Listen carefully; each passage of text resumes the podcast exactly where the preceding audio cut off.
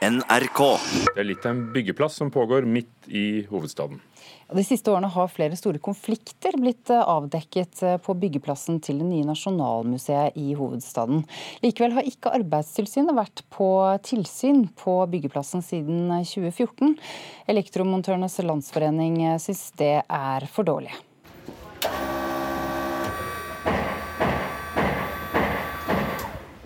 På det meste har 800 arbeidere gitt lyd fra seg samtidig på byggeplassen til det nye Nasjonalmuseet i Oslo. Der 6 milliarder kroner brukes for å bygge Nordens største kunstmuseum. Og da ville kanskje noen sett for seg at Arbeidstilsynet har hatt rutinekontroll på arbeidsmiljøet, sikkerheten og lønna på byggeplassen. Men det har de ikke.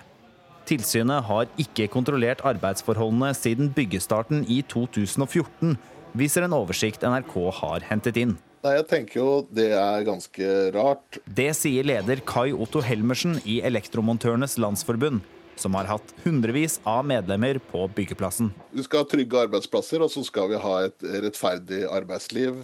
Og da har man lagd regler som Arbeidstilsynet skal følge opp.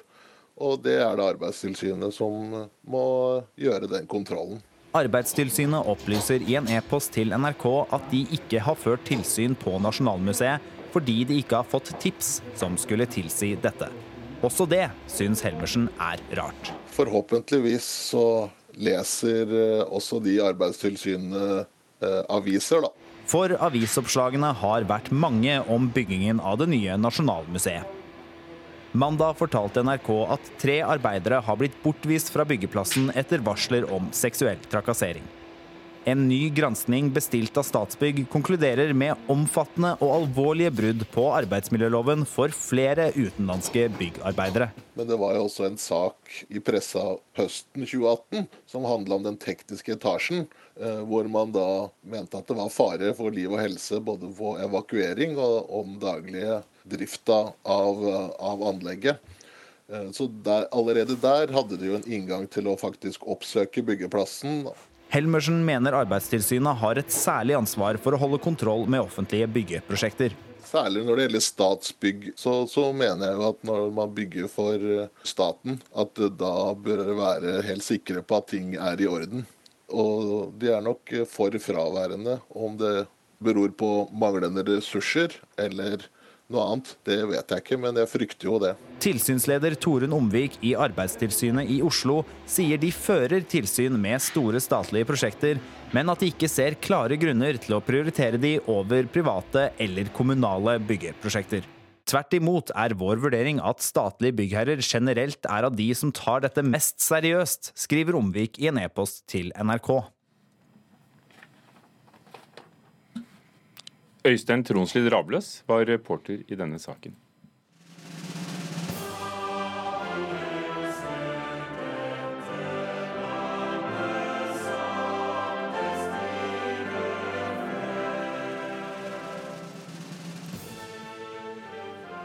Velkjente toner. Mange har sunget den f.eks. på 17. mai. Men først i dag skal det avgjøres om dette offisielt skal være Norges nasjonalsang. Ikke sant, kulturreporter Petter Pettersen? Ja, for i dag så vedtar eh, Stortinget trolig at eh, Ja, vi elsker, skrevet av Bjørnstjerne Bjørnson i 1859, skal anerkjennes i norsk lov som nasjonalsang. For Norge er faktisk, sammen med Storbritannia og Sverige, de eneste gjenværende landene som ikke har eh, en lovfestet nasjonalsang. Og det er da ventet at forslaget om å lovfeste Ja, vi elsker som nasjonalsang vil bli enstemmig vedtatt. Bjørnstjerne Bjørnson, ja, men også ikke minst Rikard Nordrock, som skrev musikken, og som på manuskriptet kalte det norsk fedrelandssang. Men trenger vi å, å lage en lov for dette?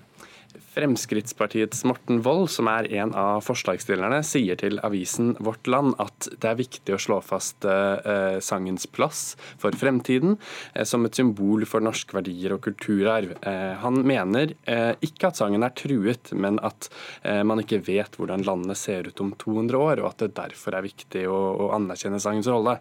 Eh, og Han avviser samtidig påstanden om at dette kan kobles til forrige ukes debatt om norske verdier i forbindelse med jul.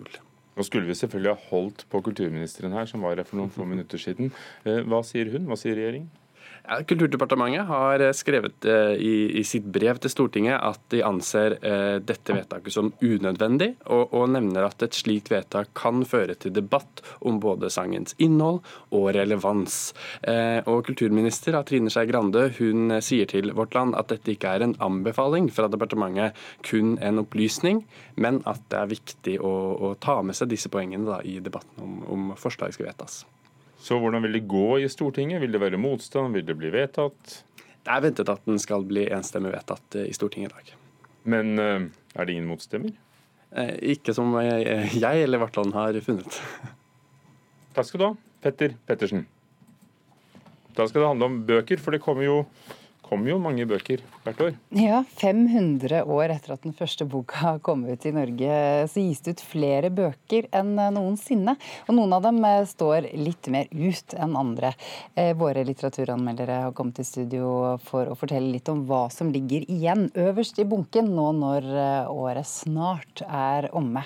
Vi starter med deg, Marta Norheim. Hvor gikk trendene og tendensene i år? Ja, altså de eh, går eh, f.eks. inn i vår tid, og de fortsetter der de slapp i fjor. Altså Det er jo sjelden at en trend varer bare et år. Eh, og da er det naturlig å nevne klimakrisa, som jo har avfødt en frodig litteratur i senere år. Inn i vår tid Thomas Hylland Eriksen, eller?